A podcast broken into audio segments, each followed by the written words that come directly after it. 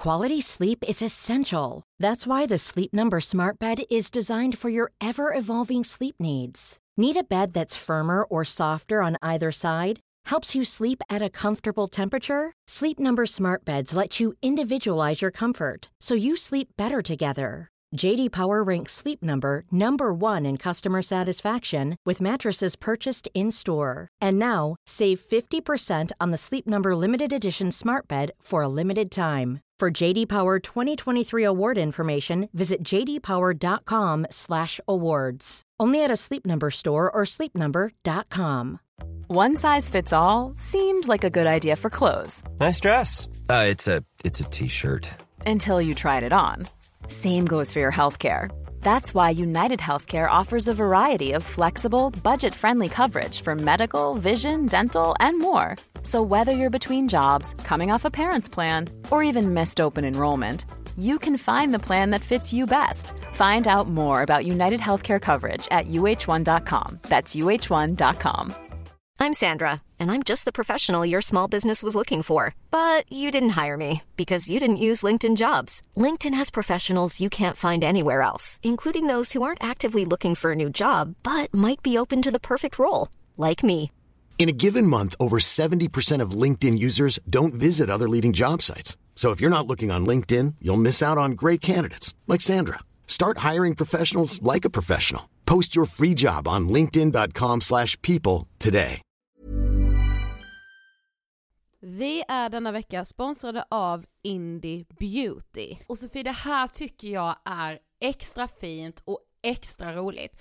Ja men Indie Beauty är ju ett skönhetsvarumärke som jag tror att väldigt många känner till, men det jag älskar mest, det är att Indie Beauty liksom vill vara mer än bara produkter, vilket de ju också är. Exakt. Indie Beauty står ju för Independent Beauty, skönhet på dina villkor och för din egen skull. Och Indie Beauty tror ju stenhårt på ett alternativt skönhetsideal fritt från måsten, skam och känslor av otillräcklighet. Där är jag helt med Indie Beauty. Jag med. Det är så jag vill att skönhet ska vara. Ja men verkligen. Och vet du vad som är nytt för i år Sofie? Berätta. Från och med i år så skänker Indie Beauty 1% av sin försäljning till Suicide Zero, Tjejzonen och Djurens Rätt. Så när man handlar produkter från Indie Beauty så kan man liksom känna att man också ger tillbaka till samhället. Ja, kraften i tillsammans. Ska jag säga en sak nu då, som Mm. jag, det, men det är detta jag är extra glad över. Nu har Indie Beauty tagit fram en keps och den tycker jag ändå så på sommaren, skydda sig från solen, Jättebra, jag älskar kepsen. men det bästa, de bidrar till Suicide Zeros viktiga arbete för att minska antalet självmord och självmordsförsök. Så för varje såld keps så går hela vinsten, 100 kronor, direkt till Suicide Zero. Då kan man liksom göra nytta både för samhället och sin hud på en och samma gång. Ja, och kepsen kostar 169, men alltså hela vinsten går då som sagt till Suicide Zero. Så om man vill göra skillnad när man är där ute i solen, nu när den börjar titta fram, då ska man välja den här kepsen. Den säljs exklusivt på indiebeauty.se och på Apotea. Tillsammans kan vi skapa en ljusare framtid. Vi ses med kepsarna på! Tack Indie Beauty. Vi är sponsrade av Mindler och som ni säkert vet sedan tidigare så är vi ju ute på psykologresan tillsammans. Men hur vet man egentligen när det är dags att söka hjälp? Ibland uppstår saker i livet som kommer utmana oss och kännas tufft. Det mesta självläker vi oss igenom, för vi är menade att ta oss igenom en viss mängd påfrestningar. Men ibland behöver man professionell hjälp för att ta sig ur jobbiga perioder i livet. Men vart går då gränsen? Vad är en del av livets skavighet och när är det läge att söka hjälp? Det sägs till exempel att stress är farligt, men att också kan vara bra. Alla sover dåligt ibland, så när har man egentligen sömnproblem? Ångesten kommer väl krypande för de flesta någon gång. Så när ska man se ångesten som outhärdlig? Hur vet jag? Med oss som psykolog har vi såklart min gamla psykolog Linnea Seidbrant. Men Linnea, vad är egentligen utmattningssyndrom? Utmattningssyndrom är en konsekvens av svår och långvarig stress utan möjlighet till återhämtning. Vi är ju då skapta för att klara av stress, men vi behöver också återhämtning. Om du utsätts för för mycket stress under en lång period utan att du får till den nödvändiga återhämtningen så kommer kroppen till slut att säga ifrån. Och det är faktiskt så att alla har en gräns. Du kan drabbas av en rad fysiska eller psykiska besvär som trötthet, sömnproblem, hjärtklappning, besvär från magen och tarmarna och mycket annat. Och det här är ju då varningssignaler och tecken på att du kan behöva göra någonting åt din situation.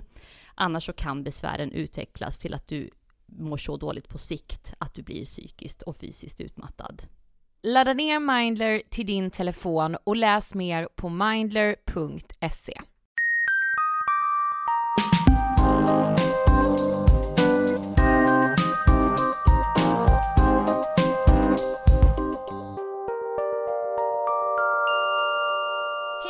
allihopa och varmt välkomna ska ni vara till avsnitt 171 av Ångestpodden! Hej på er! Idag är det valborg när vi spelar in det här. Jag skulle precis säga det, nu är det ju vår. Yes, det är det faktiskt. Ja.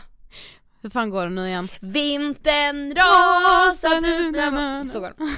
Alltså att jag älskar den låten. Ska sätta på den ikväll. Jag har den faktiskt i min Spotify-lista. Alltså, så Med såhär Lunds kammarkör. Det är så bortom. Jag har det, ja. Den Men- kommer vi sätta på ikväll. Ja det tror jag. Ja. Men du, alltså återbesöket, det är så Mm. roligt att göra det. Ja det är så himla kul. Vi vill bara påminna om det, för den här veckan, nu i måndags, så släpptes återbesöket med Det vet du. Johan och Chris. Jag skrattade nog hela avsnittet så. Ja det är ett väldigt roligt avsnitt. Och nästa vecka på måndag så släpps med Anita Schulman. Ja, de brullar på. Ja men jag tycker det är så roligt att ni gillar dem. Ja. Det är som att ni älskar dem, vågar Ja men det är väldigt kul att släppa två avsnitt i veckan. Det är Ja. nytt Ja det är nytt. för oss. Det är nytt och spännande. Ja. Eh, och den här veckan så är vi ju sponsrade av våra vänner Nelly.com. Ja, och nu har vi ju haft ett samarbete ganska så länge, sen Ja. i november. Precis. Så vi tänkte bara så här refresh your minds och lite prata om varför vi eh, har det här samarbetet. Precis, för det känns väldigt aktuellt och väldigt viktigt att göra det. Ja, Eh, när jag och Sofie startade Ångestpodden januari 2015 så hade vi såklart vissa mål. Ett av de målen det var att vi skulle få göra ett samarbete med en stor modeaktör för att vi på så sätt Ja men skulle liksom göra så att psykisk ohälsa får ta plats men också för att kunna vara med och påverka modeindustrin. Att så här, hur blir vi mer inkluderande? Hur kan vi liksom representeras av fler kroppar? Och hur ska liksom det dåliga måendet få ta plats i en så polerad värld? mm, precis. Alltså så här, för oss var det liksom inte att personligen få synas liksom på eh, galor eller på någon eh, röd jäkla matta eller liksom i de här fina flödena utan vi kände ju så här, vi kan vara ansiktet utåt för psykisk ohälsa. Ja. För att vi är gärna det för att vi brinner för den frågan så extremt mycket av så många olika anledningar. Men så här, det är psykisk ohälsa som verkligen förtjänar och ska få ta den platsen i de fina forumen. Ja, verkligen. Och därför är vi ju så glada att Nelly ville ha det här samarbetet med oss för att vi tillsammans ska kunna förändra. Rom byggdes inte på en dag. Nej. Bara för att vi ena dagen fick liksom det här samarbetet med Nelly eller liksom jobbade fram det så betyder inte det att det finns dubbelt så många storlekar, att de har bytt ut sitt flöde direkt utan det är en process som vi är så glada att vi får vara en del av och kunna vara med och påverka i.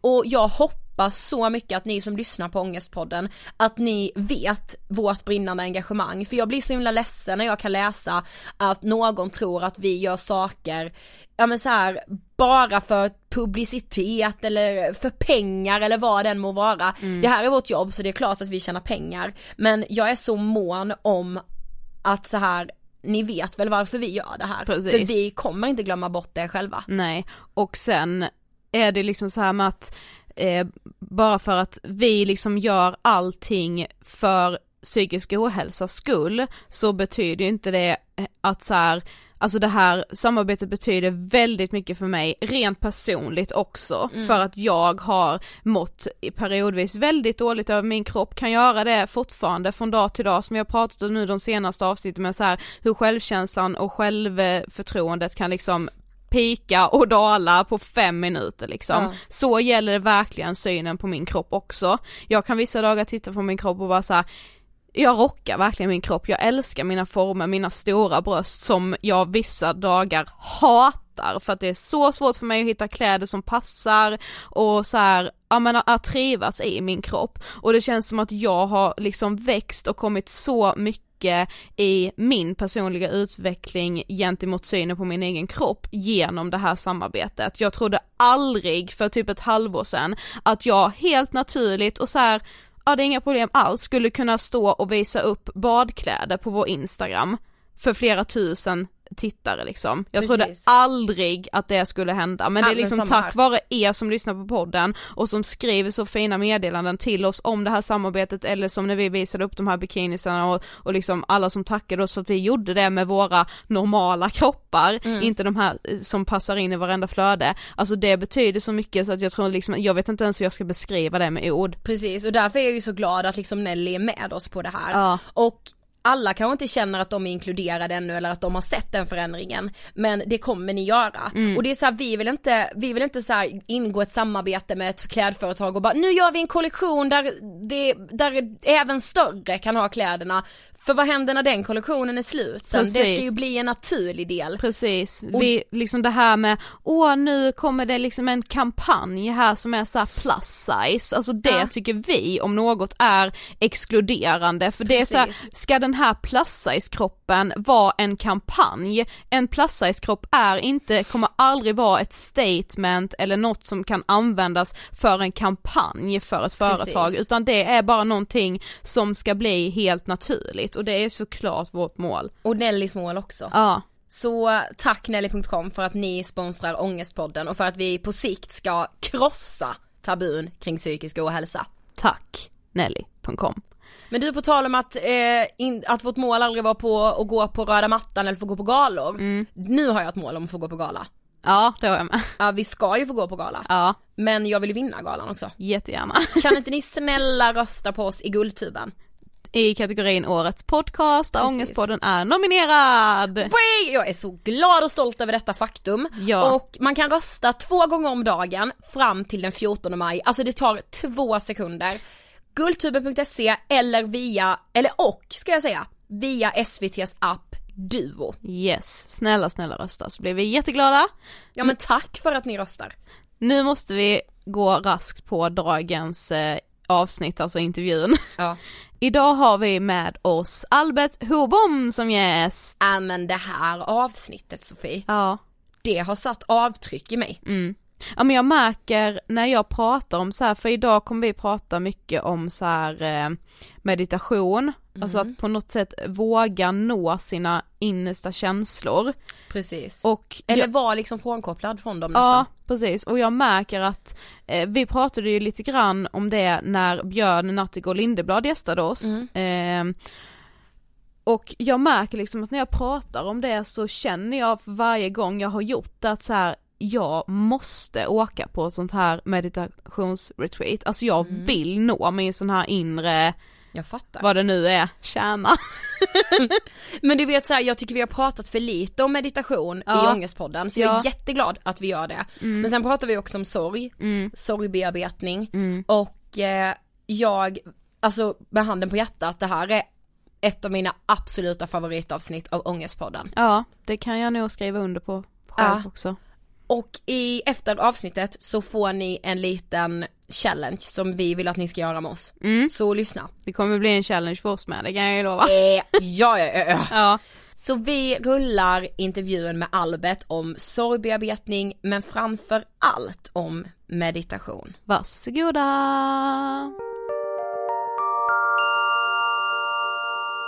Hej Albert och hjärtligt välkommen till Ångestpodden! Tack så mycket, så kul att vara här. Nej men jag tycker det är så roligt att du är här. Alltså vi har varit så taggade på detta nu typ sen vi bestämde det här. Vi bara okej, alltså det här avsnittet kommer bli så bra. Känn ingen press nu. Men vi har ju också snackat om att göra det här avsnittet i typ ett år. Så, Det har vi gjort, jag har byggt upp för det länge. ja. Men för de som inte vet, vem är du? Oh, stor fråga. Mhm. eh, så jag är, jag, jag är 25, jag läser på KTH idag. Eh, och och eh, har en historia där jag är uppvuxen i, i Göteborg och har levt i, i Ghana och i Indien i ett och ett halvt år ungefär. Eh, och tror att jag har plockat med mig en hel del verktyg därifrån som jag nu eh, mer eller mindre lever för att sprida på ett eller annat sätt. Eh, men förutom det så har jag en, eh, en väldigt lycklig man med en fantastisk eh, sambo där hemma och eh, är, eh, njuter väldigt mycket av min tillvaro för att det är just vår. Det betyder sjukt mycket för mig. Jag tycker jag är nästan så här, jag är pinsamt mycket påverkad av solen. Ja, Jag vill tro att jag är någon viking som jag behöver bara sova fem timmar per natt och det är bara Jag klarar vintern utan några problem Och så märker jag liksom att nu kommer Ja. våren och solen och jag bara verkligen blomstrar Ja. Alltså jag relaterar Ja så det gör jag mycket också. till det. Alltså jag är så här bara, ja det är så här det känns att bara vara glad utan en anledning. Alltså så här, jag bara, jag känner mig bara jävligt glad. Exakt Men du är född 93 också då? mm, Som exakt. vi. Ja, Ja. precis, precis. Vi blev typ chockade över det. För vi trodde att Varför du var då? äldre. Jaha, Ja men det är för att okej. du känner så, vad säger man, belevrad, alltså så här, det känns som du har levt dubbelt så länge. Du känns som den där vikingen.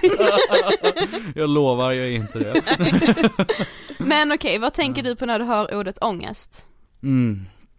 Ångest har präglat en, en stor del av mitt liv. Jag tror att ångest för mig är väldigt nära kopplat till eh, sorg och liksom friktion. Att jag kan få en känsla utav att jag är på en plats där jag inte vill vara och så gör jag ett motstånd till det. Då uppstår ångest för mig.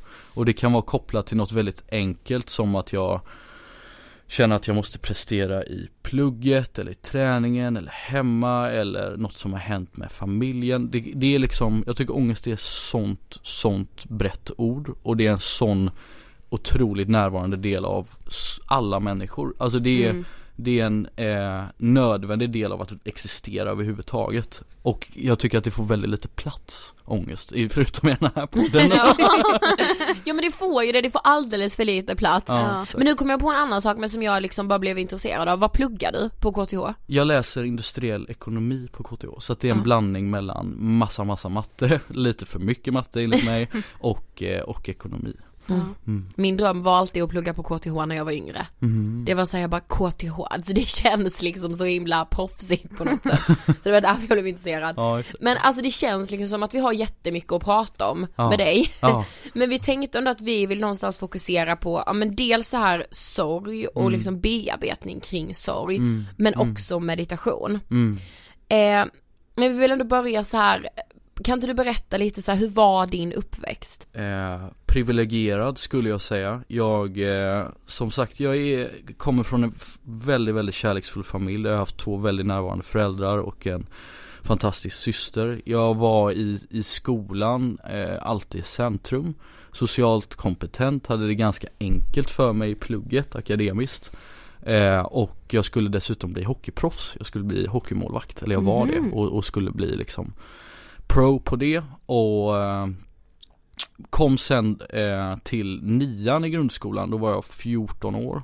Då, eh, då förändrades mitt liv väldigt, väldigt mycket. Det var, det var en händelse när vi var i Danmark med familjen. Och jag och min pappa och min syster var på ett hockeyläger för mig. Och där var vi på ett, och var ute och åt middag med familjen och var på ett hotell.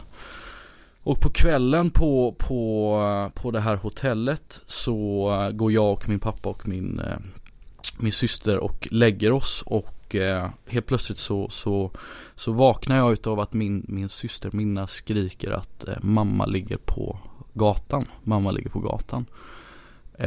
Och då har min mamma tagit en cigarett i, i fönstret och blivit utslagen av ett fönster som vetter inåt. Som får ett liksom korsdrag. Så att min, när jag var 14 år så gick, i, i, mitt liv innan jag var 14 år var liksom så perfekt som ni bara någonsin kan tänka er att ett liv kan vara. Mm. Så mycket kärlek, så mycket närvaro och, och just det också att jag var ju aldrig en ett utstött barn eller jag var aldrig på något sätt inte i centrum utan jag hade verkligen det med mig och det byggde ju upp någonstans att världen ser ut på det här sättet. Och så fick jag en sån fruktansvärd käftsmäll som tog mig fem år skulle jag säga att återhämta. Så att för att återkoppla till, ångest så Ja. var det helt icke-existent för mig mina första 14 år men en typ eh, kronisk permanent känsla i fyra fem år efter det. Mm. Men alltså det är liksom så, alltså det gör så ont i mig. För alltså jag kan inte ens föreställa mig den paniken det måste ha varit. Såg du din mamma ligga där på, på gatan nedanför? Jag gjorde inte det för Nej. att min, eh, vi- sprang ner alla tillsammans och pappa gick runt hörnet och Okej. tittade och jag och min syster, eh, vi stannade. Jag höll Ja. tag i Minna, min syster och sa vi väntar här. Mm. Och så kom pappa och så sa jag så här, är det sant? Ja. Är det sant? Ja. Vad händer? Hon är död, hon är död. Och sen bara faller världen. Mm. Bokstavligt talat på ett så djupt plan så känner jag hur allting bara konstant faller och jag var inne på jag, jag liksom så här blixtflashar från det här. Jag minns inte allting i någon kronologisk ordning men jag bara sitter i Jag sitter på toaletten på den här public toilets på det här hotellet och skickar ett sms till mamma och skriver så här Säg att det är, att det är ett skämt, att det inte är sant. Åh gud. Och sätter mig där och skriver och sen så kommer en brandman och knackar på dörren och säger Albert du behöver Du behöver komma ut för att de behöver liksom säkerställa att eh, Att inget annat fruktansvärt sker i koppling till det. Mm. Så där satt liksom Albert 14 år och, och skickade ett sms till, till mamma. Hon Mm. svarade inte. Nej. Fy fan. Men alltså vill du beskriva lite mer ingående hur var liksom de här åren efter Mm. din mammas död? Jag, jag tror eh, Jag processerade på ett sånt sätt att när jag var 14 år jag förstod ingenting. Och eh, eh, min mamma var borta och min pappa försvann också ganska snabbt in i alkohol. Han har Ja. varit helt nykter nu i åtta år och är min stora, stora superhjälte Ska också sägas eh, Och min syster tog min mammas roll som mamma Så hon lagade mat, det var hon som, hon hoppade av gymnasiet för att ta hand om mig och pappa Hon är min hjältinna Eh, Gud. och eh, jag flydde rakt in i tv-spel, eh, började snusa tidigt, jag eh, distraherade mig väldigt mycket. Eh, men sen när jag var eh, 17, där någonstans, så kom det till en punkt där jag kunde inte hantera det längre. Jag kände att jag hade, jag mådde så dåligt som liksom organism, Mm. att jag, nu måste jag göra någonting åt det här.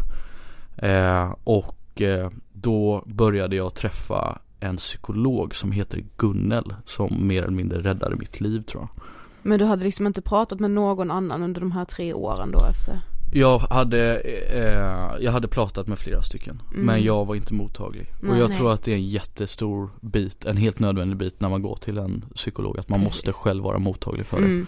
Eh, och jag tror att det är viktigt att våga gå till en psykolog. För att det finns också en bild i vårt samhälle att gå till en psykolog är ett tecken att då har man konstaterat att man är svag ungefär. Mm. Tvärtom, du har konstaterat att du är stark. Mm. Att du vågar öppna upp dig. Att du vågar ta steget för att faktiskt må bra. Exakt. Så jävla sant. Så att det var en, eh, det var en väldigt stor vändning och jag har väldigt extrema beteenden. Så att jag gör någonting till 100% vilket är fantastiskt om jag riktar det mot något, något konstruktivt. Mm. Men om jag riktar det mot, eh, mot eh, eh, stimulanter, typ eh, eh, tv-spel, tobak, eh, porr, eh, droger så blir det väldigt, väldigt fel. Men om jag riktar det mot någonting positivt så kan jag istället då bygga något fantastiskt Mm. förhoppningsvis. Så att eh, eh, jag var väldigt, eh, vad ska jag säga, jag jag tror att det var ett väldigt kritiskt skede där när jag var 17 När det Ja. hade kunnat gå väldigt illa för mig Men att jag då hittade Gunnel och verkligen tog tag i det här eh, Och hade en så kärleksfull familj Pappa hade helt slutat dricka, min syster var på banan Så Mm. jag hade liksom en stabil grund eh, Och då långsamt så började det vända sig Och den stora vändningen kom Kom då några år senare när jag åkte ut och, och, eh, och bodde då i Ghana och Mm. Indien Ja. Men för jag slås av alltså så här, alltså jag tänker att när något händer så plötsligt och verkligen så här, ja men som man säger slår ner som en blixt från klar himmel. Att det måste vara så svårt att acceptera. Alltså kunde du känna det att så här, jag, jag accepterar inte det här. Absolut, jag, jag känner att eh, det tog mig kanske två, eller så här. Jag skulle säga att det tog mig nästan ett år att ens komma till steget innan acceptera det, vill säga Mm. förstå att det har hänt. Mm. För att jag hade en känsla i min kropp att mamma är på semester, Ja. Mm. mamma är borta. Mm. Och intellektet förstår att så är det inte, men det är en så djup eh, traumatisk emotionell upplevelse att jag fattade på riktigt inte att mamma hade dött. Eh, och sen så kom det till att eh, eh, jag var o, jag var accepterande men jag var helt avskalad från det. Okej okay, hon har dött, det är som det är. Och eh, det finns inget jag kan göra åt det. Till att bli arg. Mm. Jag var arg, hur fan kan du lämna mig mamma? Ja. Här är jag, 14 år. Och så går du och så sätter du och röker dina förbannade cigg på Mm. fönstret. Fan vad ansvarslöst och liksom ilska. Till att bli acceptans. Och det, men den kom, det tog, eh, ja, fem år i alla fall skulle jag säga. Ja. Mm. Alltså gud jag relaterar så mycket, alltså så att det är helt galet för min faster tog sitt liv i november 2016. Och liksom hela första året, alltså då kan jag verkligen säga, nej men hon är på semester. Det är hon, alltså så, och du vet jag kunde så leta efter henne om jag typ satt på tunnelbanan. Mm. Och det var så här, nej men hon bodde ju inte ens i Stockholm liksom, hon bodde i Blekinge där jag kom ifrån. Mm. Men just där, alltså jag relaterade så mycket så jag bara, det där är liksom exakt som jag har känt. Ja, Mm. Det var jag- bara så skönt att höra. ja. Ja, jag tror att det är en, eh, eh, det kallas inom psykologi för en arketypisk berättelse, den här sorgprocessen. Ja. Det innebär att den är eh, mer eller mindre generell för de flesta, att man Mm. går Precis. igenom de här olika faserna. Ja för just den här ilskan känns ju väldigt vanlig och just det här med att man typ letar efter en anledning till varför man skulle vara den här utvalda personen som får vara med om det här. Så man tänker typ, har jag gjort något fel i mitt Jag- tidigare alltså, liv? Alltså det här är någon karma jag har varit, alltså jag har varit så elak eller någonting som Precis. har gjort att jag förtjänar det här på något sätt. Men hur kommer man liksom, skulle du säga, eller hur kom du till den här liksom acceptansen där du liksom ändå kunde på något sätt se på det här utan att du liksom bara så här accepterade det men var helt likgiltig till det liksom. Jag slutade distrahera mig med stimulanter. Mm. Det tror jag var en väldigt, väldigt stor nyckel. Och med stimulanter så menar jag framförallt eh, ett liv som var fullt överöst med, med dels socker men också tobak men också tv-spel och sociala medier. Så att jag började att släppa, för att jag tror att en stor anledning till att vi har ett sånt, sånt stort problem med missbruk av till exempel sociala medier. Det är för att vi har ett behov av att distrahera oss ifrån någonting. Och den kärnan, vad det är vi distraherar oss ifrån är väldigt olika från person till person tror jag. Eh, Men jag valde att, när, när jag valde bort de här stimulanterna på den här extremt höga nivån så öppnar jag också upp mig själv, mitt huvud, mitt medvetande för att titta inåt. Så jag tror att den stora nyckeln för mig för att nå acceptans det är att släppa stimulanter så att jag vågar titta inåt, vara introspektiv och känna smärtan. Mm. För att när jag känner smärtan och verkligen går in i den, välkomnar den och till och med arbetar med den som om att den är liksom min allierade på något sätt. Mm. Då tror jag man har kommit ett första stort steg till acceptans. Men jag menar det är en det är en enorm process och det är Mm. ingenting som bara sker över en natt. Det ska man ju ha väldigt stor respekt för. Och Mm. man är ingen svag människa då bara för att man använder stimulanter. Utan det är allting i en process. Exakt. Mm. Ja men alltså jag tänker så här, hur har din, ditt liksom, ja men så här, hur ser du på döden idag? Mm. Jag, eh, eh, jag tror att jag blev exponerad för döden eh, alldeles för tidigt på ett alldeles för felaktigt sätt. Och det skapat ärr i mig för alltid. Men då å andra sidan på det myntet så har det gett mig en insikt, en kunskap som jag inte önskar någon men som har hjälpt mig väldigt, väldigt mycket tror jag. Mm. Jag tror att vi, vi lever idag i ett samhälle som är väldigt konstgjort. Mm. Vi är väldigt långt ifrån våra rötter. Vi eh, är, all, vi blir aldrig öppnade för döden på så många olika plan. När vi begraver oss så är kistan stängd, vi vill inte prata om det och det här börjar öppna upp sig tycker jag. Men åker man till Eh, åker man till Mexiko eller till Indien så är det en, en helt annan öppenhet inför döden. Så att jag tror att i det här liksom västerländska tänket Ja. att vi är, vi är maskiner, vi ska prestera, det är funktion, prestanda, intellekt, vi är väldigt, väldigt styrda med huvudet här. Mm. Väldigt, väldigt lite med känslan.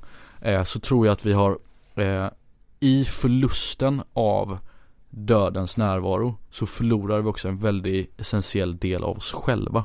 Det tror jag. Så svaret på frågan Ida är att eh, jag, jag hyllar döden. Jag tror att döden är väldigt, väldigt eh, stark drivkraft för att uppskatta livet. Jag har ett, eh, det finns ett eh, latinskt quote som är det kanske absolut mest positiva quotet som finns. Och det heter memento mori.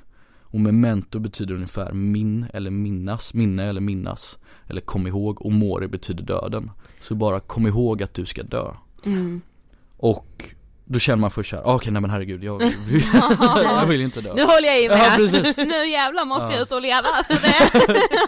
Och precis så vi, och det är andra sidan av det. Vad gör då den här liksom memento mori, Ja. eller då upplevelsen att mamma faktiskt dog mitt framför ögonen på mig? Mm. Ja, okej. Okej, vi har ett liv, as far as we know. Vi har inte mycket tid, jag kan dö imorgon. N- någonting kommer förmodligen hända. Får jag leva tills jag är 80 så har jag flyt. Ja, flyt. Det innebär Mm. att jag har en väldigt begränsad tid. Och det gör att saker och ting bara lyser av hur det, äh, av hur värdefullt saker och ting är. För att det är bara här och det är bara nu och det är unikt och det finns inte för alltid. Nej. Och då blir ju någonting väldigt, väldigt värdefullt. Mm. Eh, och där vill jag upp någon sån här himmelbild men eh, Jag tror att det har hjälpt, den bilden har jag fått till en större Större del och det har hjälpt mig väldigt mycket att uppskatta Uppskatta livet tror jag Mm. Ja. Men det är så sant, jag, vi har pratat om det ganska mycket så privat Ja, men inte så mycket i precis. podden just det här med kring döden hur man dels hur man skyddar barn väldigt mycket från döden, alltså så här, barn följer inte med på begravningar för att man anses vara för liten, man kan Ja, typ inte precis. ta den sorgen. Men också nu när du säger det här med att man liksom borde hylla döden, alltså när man typ är på begravning så, så här, det är oftast väldigt fint när man väl är där, man tycker det är Mm. jobbigt liksom innan man bara, "Usch, nej jag vill inte, jag vill inte, men det är Precis. oftast väldigt fint och man känner sig på något sätt lättare i kroppen efteråt men man har ju också lite den här bilden av att alltså allting, när en människa har gått bort så ska allting gå väldigt snabbt, man ska så här bestämma vilken dag begravningen ska vara, Ah. sen kommer begravningen typ max två veckor efter att personen har dött och sen så Mm. bara ska det, ska man anses vara klar med det på något sätt efter den där begravningen. Eh, och ja, det ska gå så himla fort bara för att det är då jobbigt. Precis. Mm. Alltså det är tungt att bära på det så det är bättre att man bara säger nu gör vi det här snabbt, får det överstökat och sen så fortsätter vardagen igen liksom. Ja men det är helt sjukt, jag har faktiskt ett minne nu när du säger det Det här har ju inte jag tänkt på sen det hände, sen mamma dog För att eh, mamma gick bort första augusti 2007 och jag tror begravningen var typ 23 augusti eller någonting Ja, Och när det hade gått typ 10 dagar så var vi, jag, pappa och min syster hos en begravningsentreprenör Mm. Och så står han där, den här begravningsentreprenören och frågar Ja Albert, hur känner du? Vill du ha en svart eller en vit kista? Och ja, jag bara, vad du? Vad Ja. är det här? ja, Vadå kista? Att det blir så, Ja. bara helt inkastad i en fråga. Här har jag liksom eh, vi ska åka på semester med familjen i höst och åka, åka skidor, vi ska göra det här och så helt plötsligt så kommer bara en sån fråga rakt upp i ansiktet och det är precis som du säger Sofia, Ja. det blir så det blir så eh, surrealistiskt och det går så snabbt och det är så liksom, systemmaskineri Ja, i det. Och vi Precis. måste, måste respektera processen, öppna upp för känslan. Och jag tror att det är precis som du säger att när man har varit på en begravning så känner man sig lättare på Mm, något mm. sätt. Och det är för att det är en oas på något sätt i vårt samhälle där det är okej att gråta. mm, Exakt. precis. Det är enda stället i hela liksom eh, världen där alla samlas och tittar på varandra och det är okej att verkligen visa känslor. Mm, Du kan ställa dig och gråta framför någon som du inte känner för Mm. att ni tillsammans har känt den här personen som Ja. har dött. Så att det är liksom en, en fantastiskt vacker oas faktiskt. Ja och jag så här, när man typ, liksom så här typ den här middagen som man ofta har efter en begravning, det är ju, det är ju helt sjukt att man liksom typ känner så men jag minns alltid de som så här väldigt fina och trevliga just av den anledningen För- att man har precis en timme innan har man stått och liksom visat sitt sårbaraste jag. Men det är så jävla sorgligt att man in, inte gör det annars för då får man ju inte heller uppleva de här hur? trevliga stunderna och, som Eller det komma faktiskt så är. nära liksom. Ja. Mm. Mm. Mm. Men du är ju liksom eh, i våra ögon lite såhär meditationspro skulle vi Ja, vilja ja men det säga. är verkligen det. Ja. Ja. för jag tänkte mig så här att jag först liksom vill kasta mig vidare till din tid i liksom Ghana och Indien. kan inte du berätta lite liksom så här, om det, alltså när bestämde du dig för att så här, du ska jag dit och, och sådär, vad hände där? Ja absolut, så eh, nu har vi ändå bra, bra background från att jag var eh, från 14 då och så till att jag var 17-18 började träffade Gunnel och sen så tog jag studenten då när jag var 19 och kände bara att jag vill inte vara i det här samhället. Jag tycker att eh, konsumtionskrafterna är manipulativa, jag vill inte plugga på universitet, jag vet inte vad jag vill göra men jag vet att jag inte tycker om där jag är idag. Mm.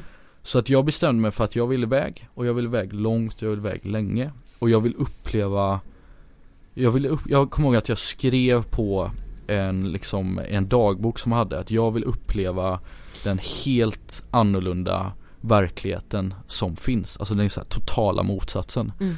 Och då började jag titta på barnhem och då hittade jag ett barnhem i Ghana som jag åkte till och där bodde jag i eh, fyra och en halv månad ungefär. Och det var ett, också ett sånt slag i ansiktet för då kom jag till en by som heter Akroso som ligger i, ute på vischan i Ghana och i Akroso så bor det 400 människor. Eh, familjen som jag bodde hos var en mamma och en pappa och det var sex barn. Vi hade ingen el och vi hade inget rinnande vatten. Så att varje morgon så gick jag med familjen ner och hämtade vatten ur en brunn. Mm. Som jag sen duschade med. Och eh, jag kom också dit och det var också en, det blev liksom nästa steg i att ta bort stimulanter Mm. för mig. För jag hade inte någon eh, smartphone med mig, det fanns ju såklart inget internet och man är liksom bara där. Och jag, eh, de första tre veckorna så grät jag varje dag och jag hade inte gråtit på flera år. Så jag tror att det, där blev det, det var din fråga innan också var eh, hur jag har nått hur man når acceptans. Precis. Det var en jättestark explosion för mig i Ja. acceptans för att jag tillät mig själv att känna mina känslor, känna mina känslor, bryta ihop. Okej, Mm. det är okej att bryta upp och göra om och göra om. Och sen så eh, bodde jag då med de här, med de här barnen i, som var mellan 3 och 13 år och jag har aldrig haft så mycket kärlek i mitt liv innan. Och jag var fadder, pappa, coach, lärare, bror, you name it. Allting liksom, allting. Och de har sånt behov av vad du än kan hjälpa till med. Så där är, där är en plats där jag kände att jag verkligen gjorde skillnad. Och eh, jag har kontakt med två av barnen fortfarande idag. Så det här var ju några år sedan. Det är supercoolt. Ja det är så coolt. Ja det är så coolt och eh, eh, den separationsångesten då när man lämnar det barnhemmet är, är liksom på en helt annan nivå. Man bara gråter och gråter och gråter. Ja. Eh, men så därifrån hämtade jag väldigt mycket kraft och motivation. Mm. Sen kom jag hem och hade vuxit. Jag, jag, eh, pappa har hittat en ny fantastisk hustru, Ebba, som eh, som sa till Albert, du har vuxit 10 centimeter under den tiden som jag var borta. Så det var Mm. verkligen något som hände mig där. Mm. Eh, men jag var inte mätt, jag ville ha mer. Så att jag var hemma, jobbade eh, och sen åkte jag ut igen. Och då åkte jag ut helt utan hemresebiljett faktiskt. Eh, och då tänkte jag att det kan vara så. Jag trivdes så bra i livet på helt egen hand med bara en ryggsäck. Och jag kände att det kanske, jag kanske inte kommer tillbaka för att jag har hittat ett nytt liv liksom. Mm. Eh, så att jag, jag flyttade och bodde i Indien under eh, ungefär ett års tid och var också runt i Sydostasien och levde med lokalbefolkningen, eh, levde med, eh, med barn i slummen i New Delhi och i, i Mumbai och eh, åkte de värsta och sämsta tågen. Jag var på flera olika ashram, alltså eh, liksom buddhistkloster runt om i Indien och var där, var på medita- flera meditationsretreat, sådana här silent meditation retreat. Eh, och levde helt och hållet i den världen och mådde så fantastiskt bra när jag verkligen släppte taget hemifrån och fick leva eh, helt eh, oskyddat tror jag. Det var Mm. mycket det som jag upplevde, helt oskyddat. Man lever Ja. så nära verkligheten och Mm. man ser barn som är amputerade armar och det är människor som är så, det är så liksom Den bilden man har om att det är fattigt och smutsigt i Indien, den stämmer inte. Det är mycket fattigare och mycket smutsigare än vad Ja. du tror att det är. Ja. Eh, och eh, det gav också den liksom Ghana-effekten att allting gav en stark liksom, motivation och en känsla av att jag har ett fantastiskt liv som, som jag har tacksamhet för. Så jag brukar säga det att om det är någonting som jag har burit med mig från de här, det här livet nästan när jag var ute så är det två saker. Det är motivation och det är tacksamhet. Mm. Och det bär jag med mig än idag skulle jag säga. Men inte alltid såklart. Men hur kom du liksom in på just det här med meditation och så, så Mm. hade du typ läst om det för det känns som att Mm. man läser väldigt mycket om meditation. Man vet Ja. att det är många som mediterar och så här, åh det här ska du göra varje morgon när du vaknar liksom. Ja, mycket så här exakt. yoga och meditation och så här. Hur kom du liksom in på det? Ja, jag var precis samma sak. Jag tyckte först att det, eh, att det här verkar ju eh, humbug ungefär. Och jag hade en bild utav att meditation, då måste du ha rastaflätor. Ja men Eh, precis. du måste vara en hippie eller så måste du ha en orange kåpa över dig och vara rakad buddhistmunk och det är Mm, bara till ja. för de människorna och det är Mm. liksom någon gud på andra sidan ungefär. Ja, Men det känns ju lite flummigt to be honest. Ja. liksom. Ja, Alltså, ja, Ja men verkligen. verkligen, Ja. verkligen. Och, det, och det, det håller jag med om att det, det är den bilden man får utifrån. Eh, men jag, eh, kom, jag kom in i det för att jag letade verktyg för att jag mådde så, så jädra kast. Mm. Så att jag kände att okej det finns ingenting här hemma som jag blivit exponerad för, som jag har lärt mig i skolan eller fått hemifrån som kan hjälpa mig med det här. Jag behöver hitta något annat och då, eh, eh, så, och då valde jag att testa på ett meditationsretreat, att faktiskt göra det. Och det här är då en plats som man är på i tio dagar som ligger, eh, den första jag var på var i södra Thailand, det är en liten liten by. Så åkte man ut i skogen och så var det ett, ett tempel där som var fantastiskt vackert. Du sover på en, eh, en betongplatta med en liten halmbrits på och har en träkudde. Ja. Och du går upp klockan halv fem på morgonen Mediterar tio timmar om dagen Äter ingenting förutom rissoppa Du får inte titta någon annan i ögonen Du får inte läsa, du får inte skriva, du får inte träna Du får inte göra och, och då tänker man okej vad har alla de här sakerna gemensamt? Ja, de stimulerar dig Ja. Man tänker det på något sätt så stimulerar det Ja. Så att när jag pratar med någon så, så blir jag ju stimulerad och när jag läser samma sak eh, Och eh, då fick jag verkligen smaka på, okej vad är meditation på riktigt? Och det häftiga är att det är inte någonting av det som jag trodde att det är. Utan det är en metod och ett verktyg för att lugna ner och sakta ner sina tankar. För att lära sig att titta på sina känslor utifrån. För det är så ofta när jag är här hemma och jag faller för det hela tiden att jag är i mina känslor säger okej nu blir jag stressad, nu ska jag hit bort och göra det här. Okej nu behöver jag prestera, jag ska göra det här, det här är jätteviktigt, okej så nästa steg, bra, okej nu är jag lugn, skit, fint, nu går jag och lägger mig. Och så är man uppe i den här farten. Mm. Ni förstår den här farten hela tiden, man bara kör och kör och kör Eller blir körd med och körd med och körd med av Ja. sina känslor. Det är ofta Mom deserves the best, and there's no better place to shop for Mother's Day than Whole Foods Market. They're your destination for unbeatable savings, from premium gifts to show-stopping flowers and irresistible desserts. Start by saving 33% with Prime on all body care and candles. Then get a 15-stem bunch of tulips for just $9.99 each with Prime. Round out Mom's menu with festive rosé, irresistible berry chantilly cake, and more special treats. Come celebrate Mother's Day at Whole Foods Market. Hey, I'm Ryan Reynolds. Recently, I asked Mint Mobile's legal team if big wireless companies are allowed to raise prices due to inflation. They said yes. And then when I asked if raising prices technically violates those onerous two year contracts, they said, What the f are you talking about, you insane Hollywood ass? F- So to recap, we're cutting the price of Mint Unlimited from $30 a month to just $15 a month. Give it a try at mintmobile.com slash switch. $45 upfront for three months plus taxes and fees. Promo rate for new customers for limited time. Unlimited more than 40 gigabytes per month. Slows. Full terms at mintmobile.com. Hey, it's Danny Pellegrino from Everything Iconic. Ready to upgrade your style game without blowing your budget? Check out Quince. They've got all the good stuff shirts and polos, activewear, and fine leather goods, all at 50 to 80% less than other high end brands. And the best part? They're all about safe, ethical, and responsible manufacturing. Get that luxury vibe without the luxury price tag. Hit up quince.com slash upgrade for free shipping and 365 day returns on your next order. That's quince.com slash upgrade. som jag känner att man liksom förlorar kontrollen över sina känslor så jag bara frågar sig själv, är det jag som känner det här eller är det känslan som styr över mig? Ja.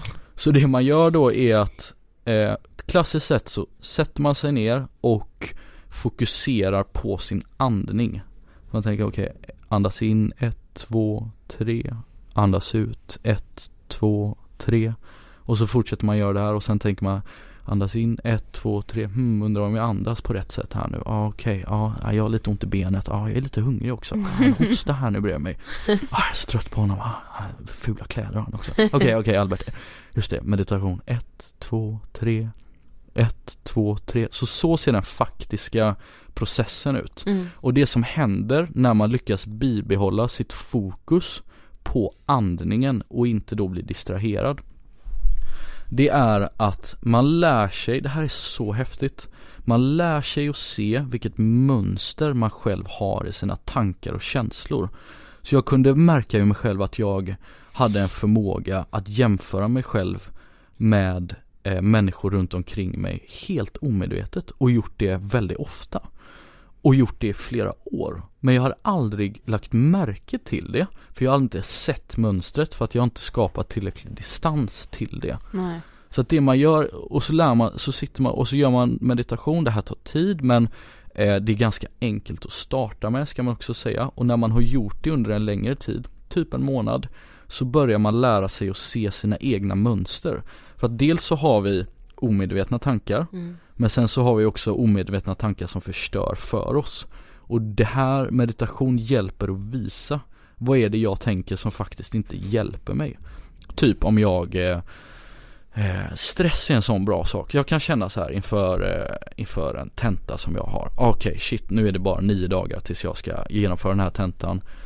Nu blir jag stressad nu går det för snabbt. Nu, nu, nu, eh, nu, eh, jag kommer inte hinna med det här och så är den här vevan igång. Jag kommer inte hinna med det här, jag kommer få dåliga betyg och om jag får dåliga betyg så, så får jag inte det jobbet jag inte vill. Ja, jag inte får det jobbet jag inte vill. spiralen är ju liksom ja, ja, ja, ja. Den är man ju igång i på nolltid. Eller hur? Ja. Och så får vi ställa frågan så här, okej okay, Albert, vad vad, gjorde, vad gör den här stressen för mig? Hjälper den mig på något sätt? Blir jag lugnare av den? Nej. Tar den mig närmare mina mål? Alltså gör det att jag kan plugga lättare? Nej.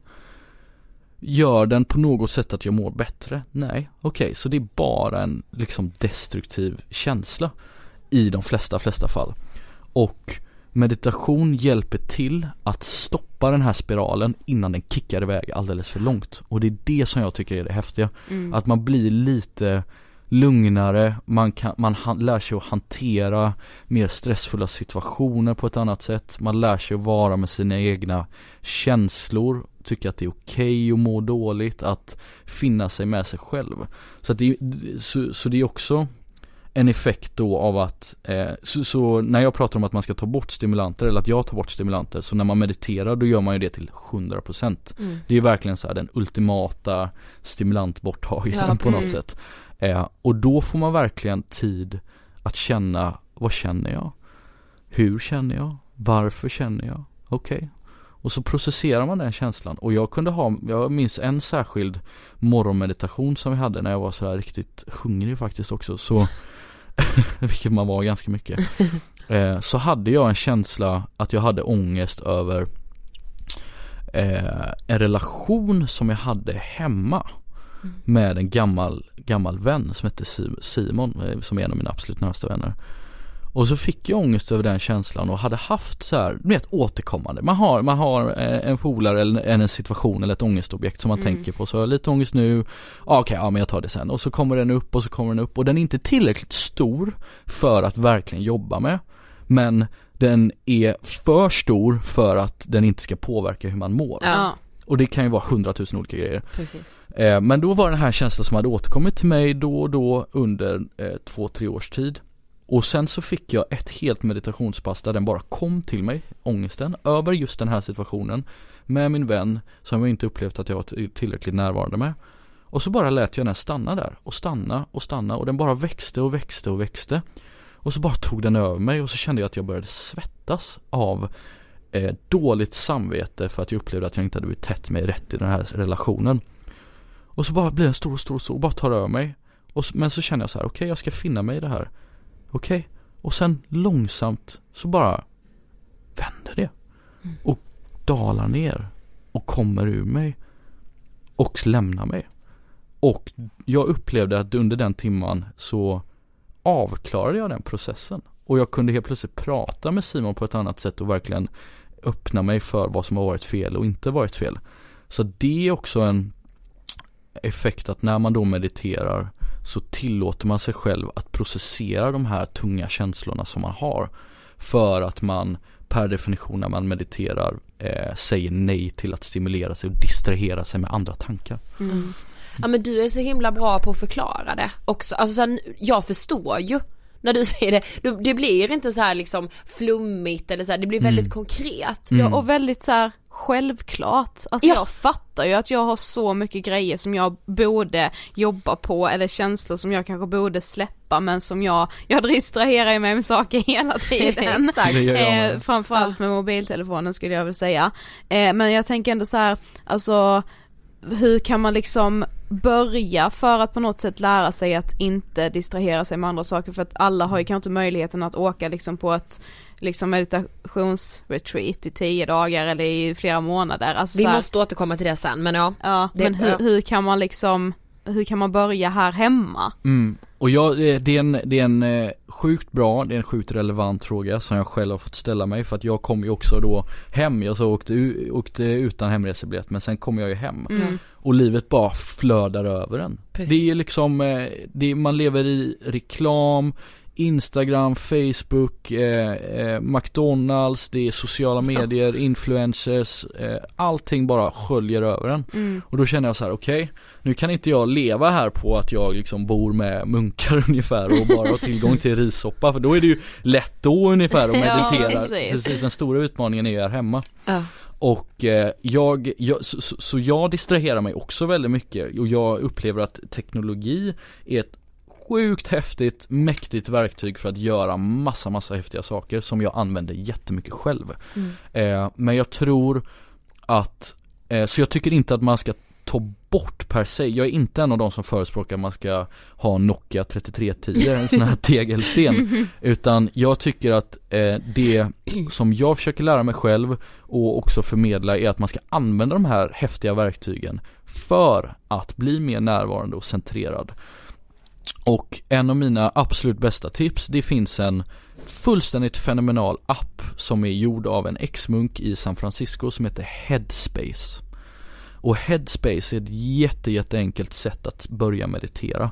Eh, det är en, eh, en app som man tankar hem där det är en, en herre som har en jätte så mjuk och härlig röst som pratar med dig 15 minuter och guidar dig igenom den här meditationen och eh, säger precis allting som man ska göra. Så att man behöver inte tänka, man bara har, hittar en lucka på 15 minuter, sätter i hörlurar, är själv och bara sätter på det här.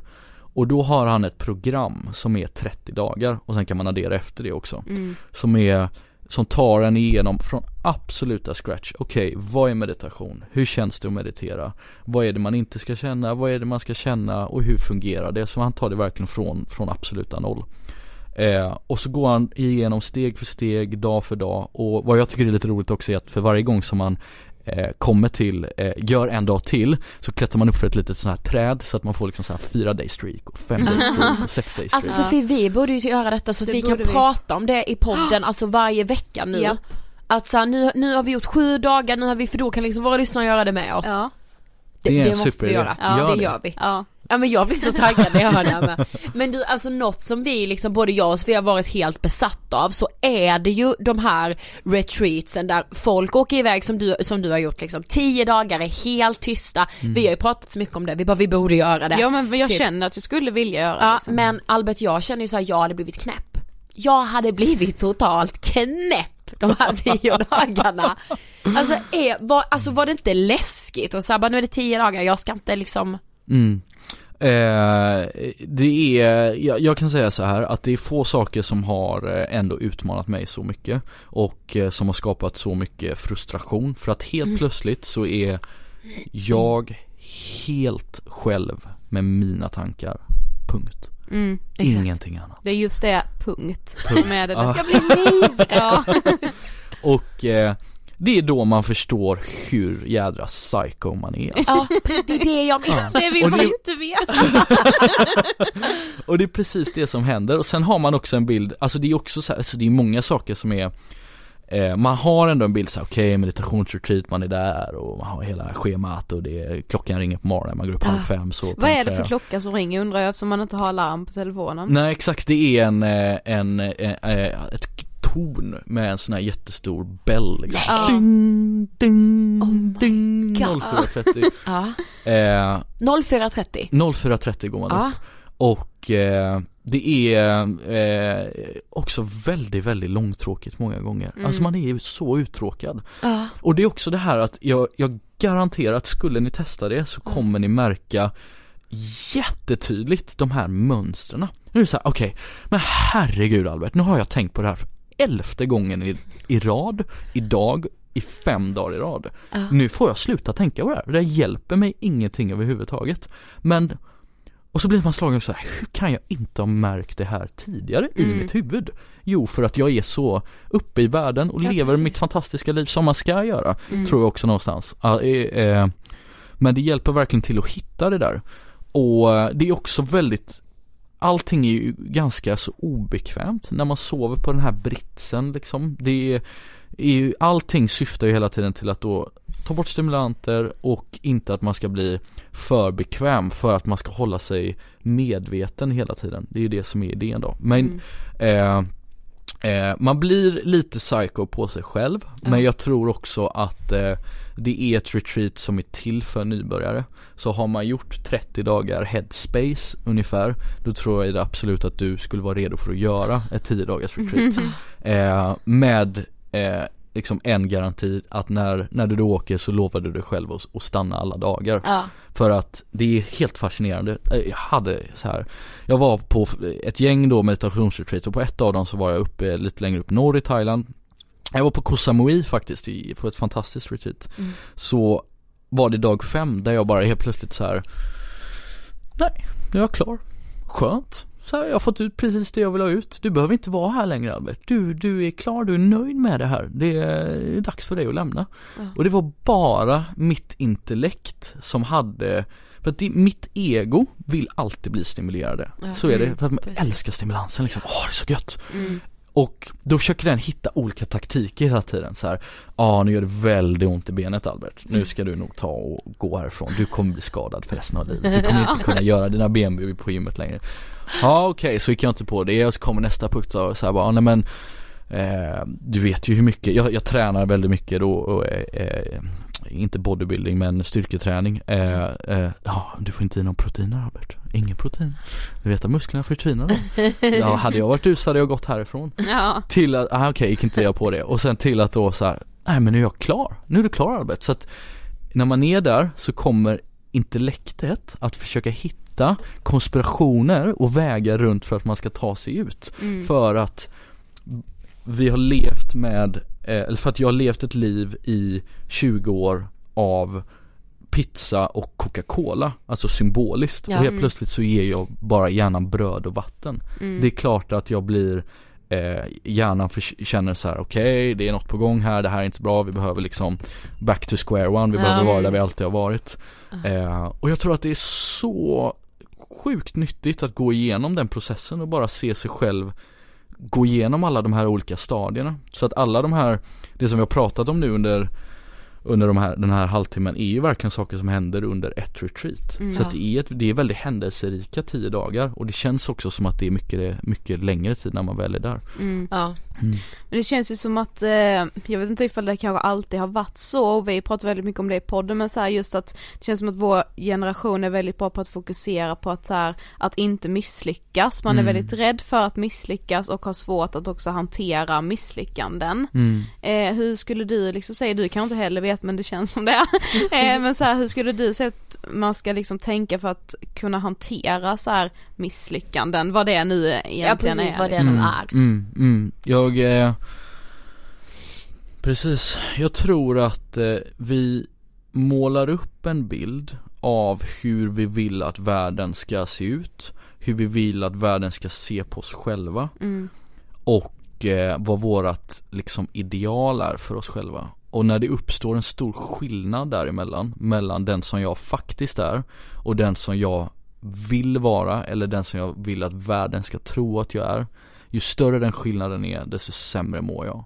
Mm. desto mer ångest har jag. Det är en ganska eh, etablerad psykologisk eh, teori som jag verkligen har upplevt sjukt många gånger. Och för mig handlar det mycket om återigen, jag, jag, jag tycker att prestation är något fantastiskt. Det är liksom på grund av prestation som vi i, som människoart sitter där vi är idag. För att vi har haft liksom flera hundra miljoner av högpresterande organismer Ja. ungefär som att, och apor som har tagit oss hit där vi är idag. Ja. Eh, och ångest kommer till det och misslyckanden kommer till det. Jag tror att det finns, man ska komma ihåg, tror jag, att vi är inte byggda för att inte ha ångest och må dåligt och känna oss misslyckade. Ur ett liksom evolutionärt perspektiv så är det en jättebra sak. Mm. Därför att när jag känner att det är jobbigt att misslyckas då utvärderar jag okej varför och vad finns det jag kan göra för att det inte ska hända igen. Det är en fantastiskt eh, knep för att få mig att överleva Mm. som, en, som en organism. Eh, så att jag tror, för mig handlar det mycket om att eh, verkligen då acceptera som vi har varit inne på att misslyckande är en 100% nödvändig del för att göra någonting positivt överhuvudtaget. Så det är lätt att separera dem. Till exempel då jag som har eh, eh, Det här är ett bra exempel. Jag började läsa på KTH eh, på det här programmet för ett år sedan. Mm. Och fick ett sånt slag i ansiktet för den matematiken som jag läser. Den är så svår. Och jag har gjort, eh, ska göra min fjärde omtenta här nu för att jag har misslyckats i just den mattekursen. Eh, och varje gång som jag har fått då underkänt så är ju det tekniskt sett så är det ett misslyckande. Men vad det faktiskt är, är ju ett process för mig, en trappsteg för att komma närmare till mitt eh, C eller mitt godkända betyg. Så att det är lätt att separera de processerna tror jag, där jag känner att åh vad misslyckat den tentan gick eller den här relationen gick eller vad det nu kan vara. Men att faktiskt försöka se att det är inte alls så, det är en process mot någonting högre hela tiden. Mm. För att det är verkligen genom misslyckande som vi liksom raffinerar och extraherar fram hur vi ska göra för att göra någonting som är positivt som att lyckas. Och det finns en där fantastisk citat som jag tycker är bra som är I either win or learn. Alltså antingen så vinner jag eller så lär jag mig. Ja, fy fan vad sant ja. Ja men det är ju så alltså att Ja. jag måste verkligen också lära mig att tänka så. Mm. För de här, i min värld då, misslyckandena, de tar, alltså de äter ju upp mig och liksom de negativa tankarna som kommer av det om mig själv och liksom allt annat jag har gjort som är bra. Mm. Mm. Ja. De existerar ju inte då. Nej, nej, nej, nej, då är det så här, allt jag har gjort är ju skit. Mm. Och det är så lätt man hamnar där och så känner man ett misslyckande och så tittar man bak och så känner man så här: okej, jag la så mycket tid på det här eller så mycket energi Ja. och så blev det bara misslyckande av alltihopa Mm. och så stannar man där, punkt. Så Mm. sätter man punkt. Precis. Men det är helt fel, det är Ja. inte alls så utan det är en eh, och, och det var Steve Jobs som sa det att you can never connect the dots looking forward, you can only do it looking backwards. Alltså det är först när man är då igenom hela den här processen av vad man än ska göra som man kan titta bak och se att okej, det här misslyckandet, där lärde jag mig det. Och det här misslyckandet, där lärde jag mig det. Men det Mm. kan jag ju bara se för att jag har tagit mig hela vägen fram och står nu på toppen. Precis. Så att jag tror att man måste ha Liksom sänka axlarna och ha lite tillförlit till processen Lita på processen Ja. Åh gud, den meningen ska jag ta med Eller mig. hur? Lita på processen. Men vet ni vad jag också tänker? Alltså det är så här, vi människor, alltså vi söker så mycket efter så här, vad är meningen med livet, vad är meningen med allting? Alltså behöver man liksom veta det? Jag tror inte det Nej. Jag tycker att det är eh, Vi har också ett behov av att eh, eh, skapa mening i saker och ting. Våran, eh, liksom det som är våran fantastiska förmåga som människor, det är att vi kan boxa in saker och säga att okej, det där är ett bord med de här egenskaperna, det är ett svart bord och, och det väger 4,7 kilo och med det här bordet är gjort av trä och vi liksom har en sån här analysmaskin hela tiden som går Mm. så här fram och fram och fram. Eh, men det finns ju också en väldigt, väldigt stor nackdel i det och det är att vi nästan tvingas att försöka kategorisera saker som jag inte tycker att man ska kategorisera. Och en av de sakerna är det här med vad har livet för mening? Och jag skulle någonstans vilja vända på den frågan på ett utmanande sätt. Varför skulle livet ha en mening? Vem är det som har sagt det från början? För att i det antagandet att vad har livet för mening så har man redan antagit att livet ska ha en mening. Ja precis. Och då blir man så här, jaha okej okay, det här var ju en väldigt, väldigt deprimerande tanke tänker man ju då. Men så vill jag vända på det igen att så här okej, okay, då är det så att livet har ingen, det finns ingen då enligt mig, och jag har full respekt för att jag kan ha helt fel, extern gud eller extern makt som har placerat en mening på mig och mitt liv. Vad betyder det? Det betyder att mitt liv är ett helt blankt papper Mm. som jag kan skriva på. Jag är liksom författaren av den egna meningen av mitt liv och den kan förändras. Jag kan ha en mening som är att jag ska vara världens absolut bästa pojkvän i ett tag och sen så stabiliserar det och nu ska jag helt plötsligt bli världens bästa det här eller det här eller så ska jag göra någonting helt annat. Att det är helt, helt flytande. Jag har full makt och kontroll över vad meningen är med mitt liv och det är ingen annan som styr det och jag kan också dessutom påverka det. Mm. Men eh, vi tänkte också att vi måste liksom prata lite mer om så här sociala medier. Eh, för att vi är ju väldigt styrda av det och har väldigt svårt för att så här på något sätt lära oss hur mycket vi än säger det är liksom i vår podd och till varandra när vi föreläser och allting att så här, men Instagram är bara en leksak, det är inte verkligheten typ så här. Och det, alltså så här, det går ju liksom på något sätt inte stoppa den digitala utvecklingen och liksom så här, hade vi inte haft den hade vi inte suttit här idag. Nej, nej, så det har ju absolut. fört så himla mycket bra saker med sig också. Men så här, hur, hur lär man sig på något sätt att liksom bara använda det till den graden att det liksom är liksom, ja men att man får ut någonting av det, att man så här mår bra av de här digitala medierna och inte tvärtom. Exakt, och jag, eh, jag håller helt med dig där eh, att eh, vi ska inte på något sätt ta bort det och eh, det finns, dels kan vi inte ta bort det men det är ett superstarkt häftigt verktyg för att åstadkomma alla möjliga häftiga saker. Mm. Men jag tror att det är viktigt att ha en förståelse för vad sociala medier är. Ha en förståelse på vilka drivkrafter det finns för de som gör sociala medier, alltså bygger plattformarna.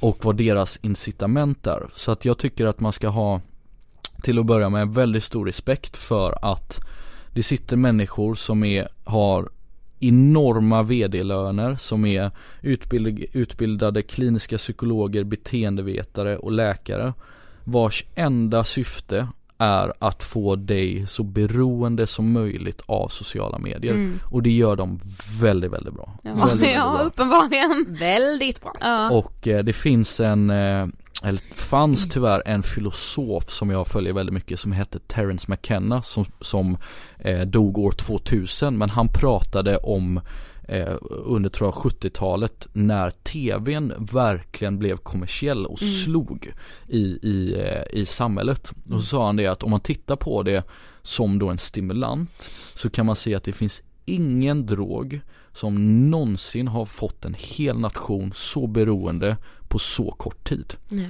Det är ett intressant sätt att se på Ja, det. verkligen. Eh, och eh, precis i det facket så faller också sociala medier in och eh, Instagram optimerar precis vilka färgkulörer de har, precis exakt hur långt ett klipp ska vara, precis hur många rutor det ska vara per sida.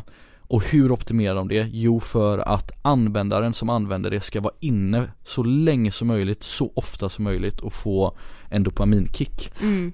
För det är det som man gör, att vi kortsluter dopaminsystemet och eh, Eh, det är därför som vi också blir olyckliga.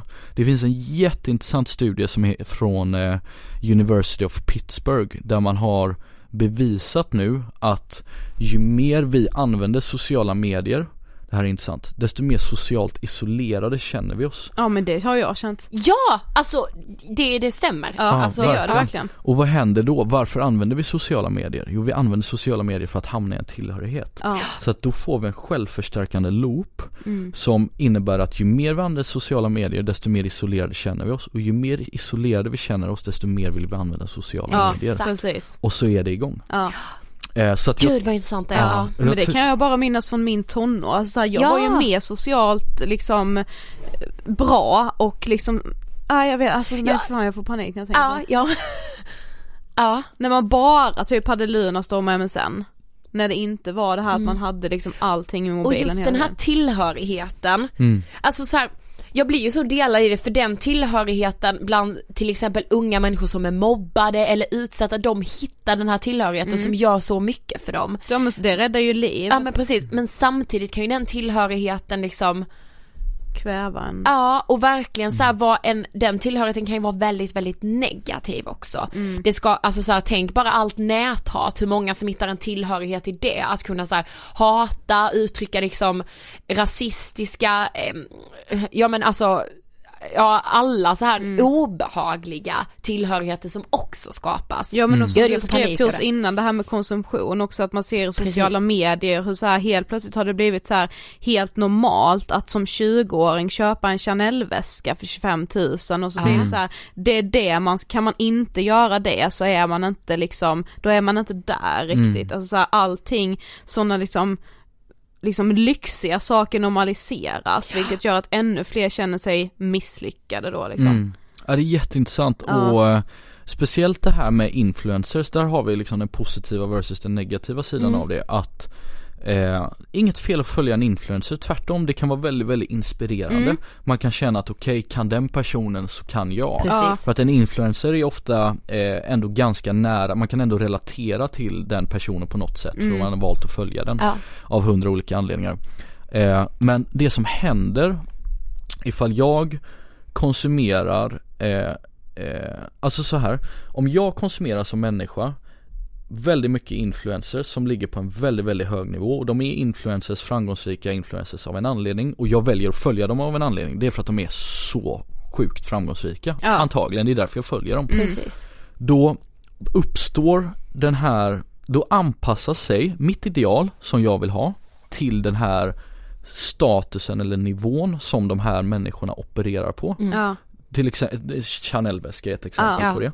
Och ju större då den skillnaden är, desto sämre mår jag. Och då blir det på en Eh, alltså man ska ha respekt för det, inte bara på en intellektuell nivå utan på en djup känslomässig Mm. emotionell nivå Så tror jag att den Chanel-väskan kommer att göra mig lyckligare. Exakt. Ja. På riktigt Ja. Och det är ett problem, Mm. där har vi Ja. ett problem Verkligen. För vi, ja, men vet ni vad jag kan känna ibland med, med vissa så här konton som jag har börjat följa jag har ju ingen aning varför jag följer dem men jag tänker ju så här, ja fast de 147 000 andra följer, Aha. då måste, de har ju rätt. Ja, de precis. måste ju ha rätt så jag måste ju vara en i gänget som också följer den här Ja. personen. Ja, exakt. Eh, så eh, jag, jag tror att för att då, för att återkoppla till, till din fråga Sofie, hur ska man göra för att använda det här på ett mer då kanske sunt sätt? För jag Mm. tycker inte att man ska sluta använda det. Nej. Och eh, eh, noga ta till sig det som vi precis har pratat om, att deras syfte Eh, alltså eh, deras syfte, till exempel Instagram och Facebook, är inte att gynna dig som användare utan det här är ett företag Mm. som har ett syfte och de vill kapitalisera och tjäna pengar och det gör man när man får en extremt hög användarbas. Mm. Och så har de hittat sin nisch att göra det på. Så att man kan inte luta sig mot att systemet vill mig väl på det sättet.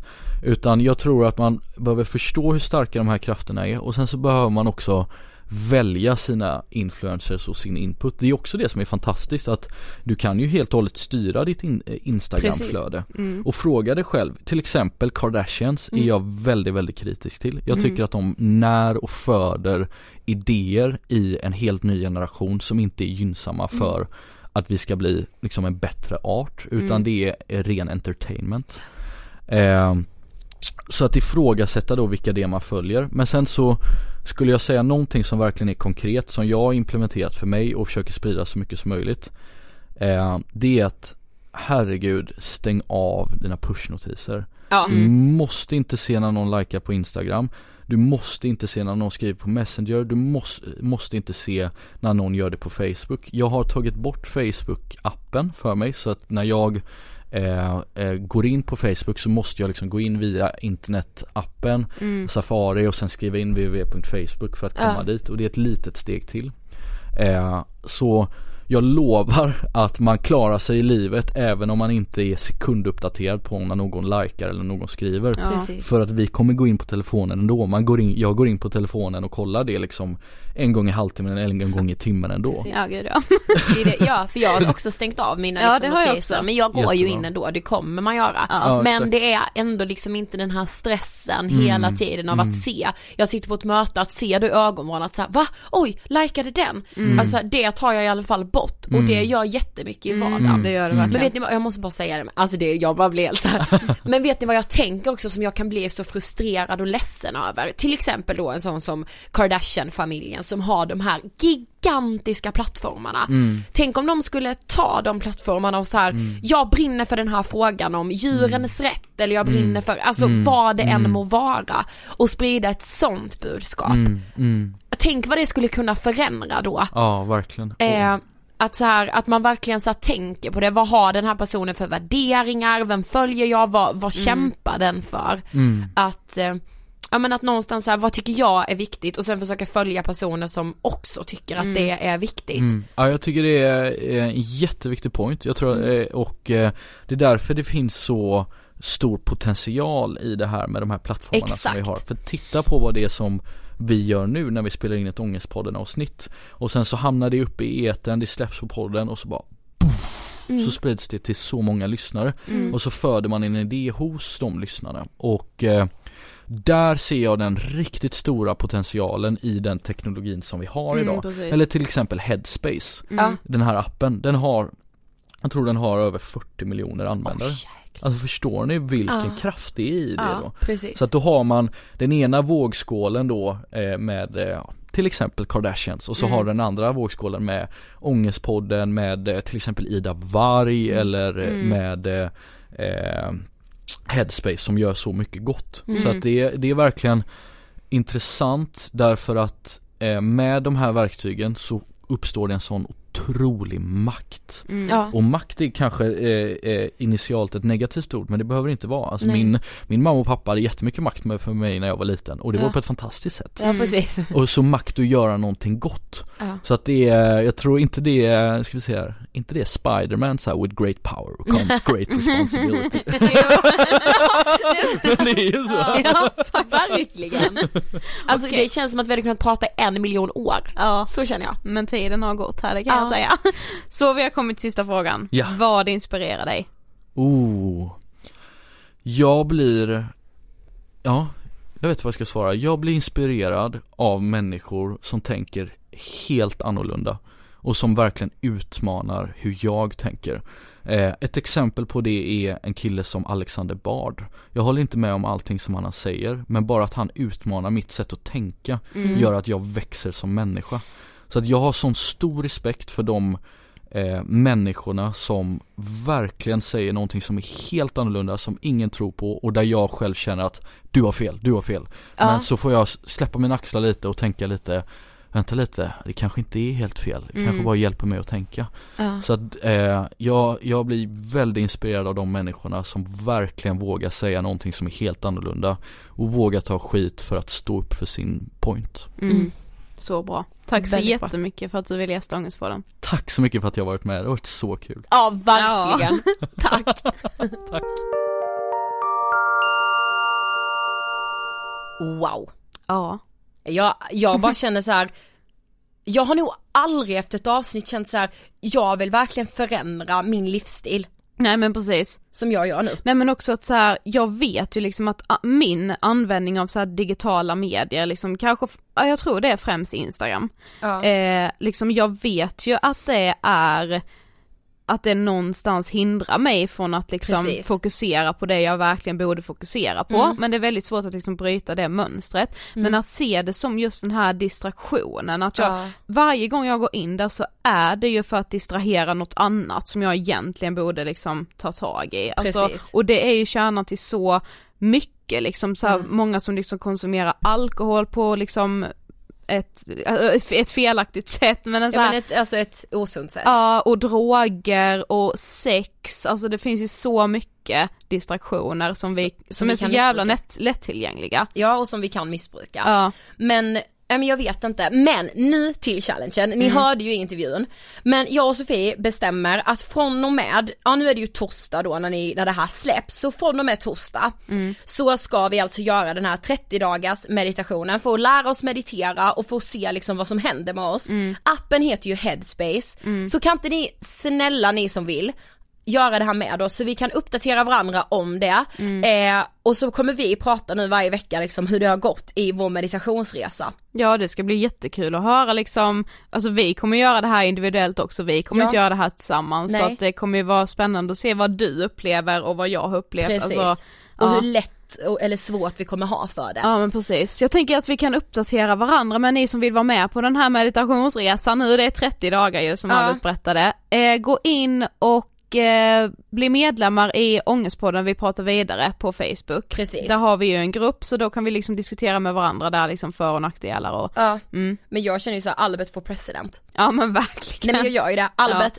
tack för att du ville komma och gästa Ångestpodden. Ja, stort tack. Och ni som inte kan få nog av Albert, för det förstår jag om man känner att man inte kan efter att ha lyssnat på det här avsnittet, så släpper han snart ett eh, TED-talk som han Mm. gjorde för, eh, ja men det är typ ett halvår sedan nu. Ja. Eh, det är inte släppt ännu men ni kan läsa allt om honom och TED-talket och se det när det väl släpps på hans hemsida som heter alberthobom.com.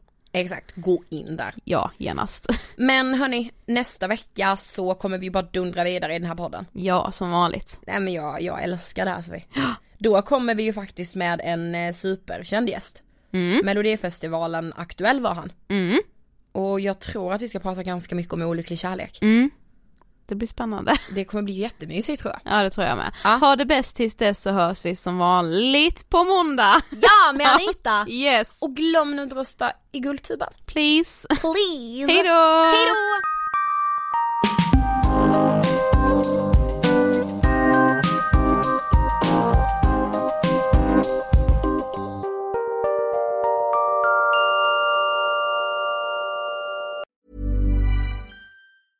Hey, it's Paige DeSorbo from Giggly Squad. High quality fashion without the price tag. Say hello to Quince.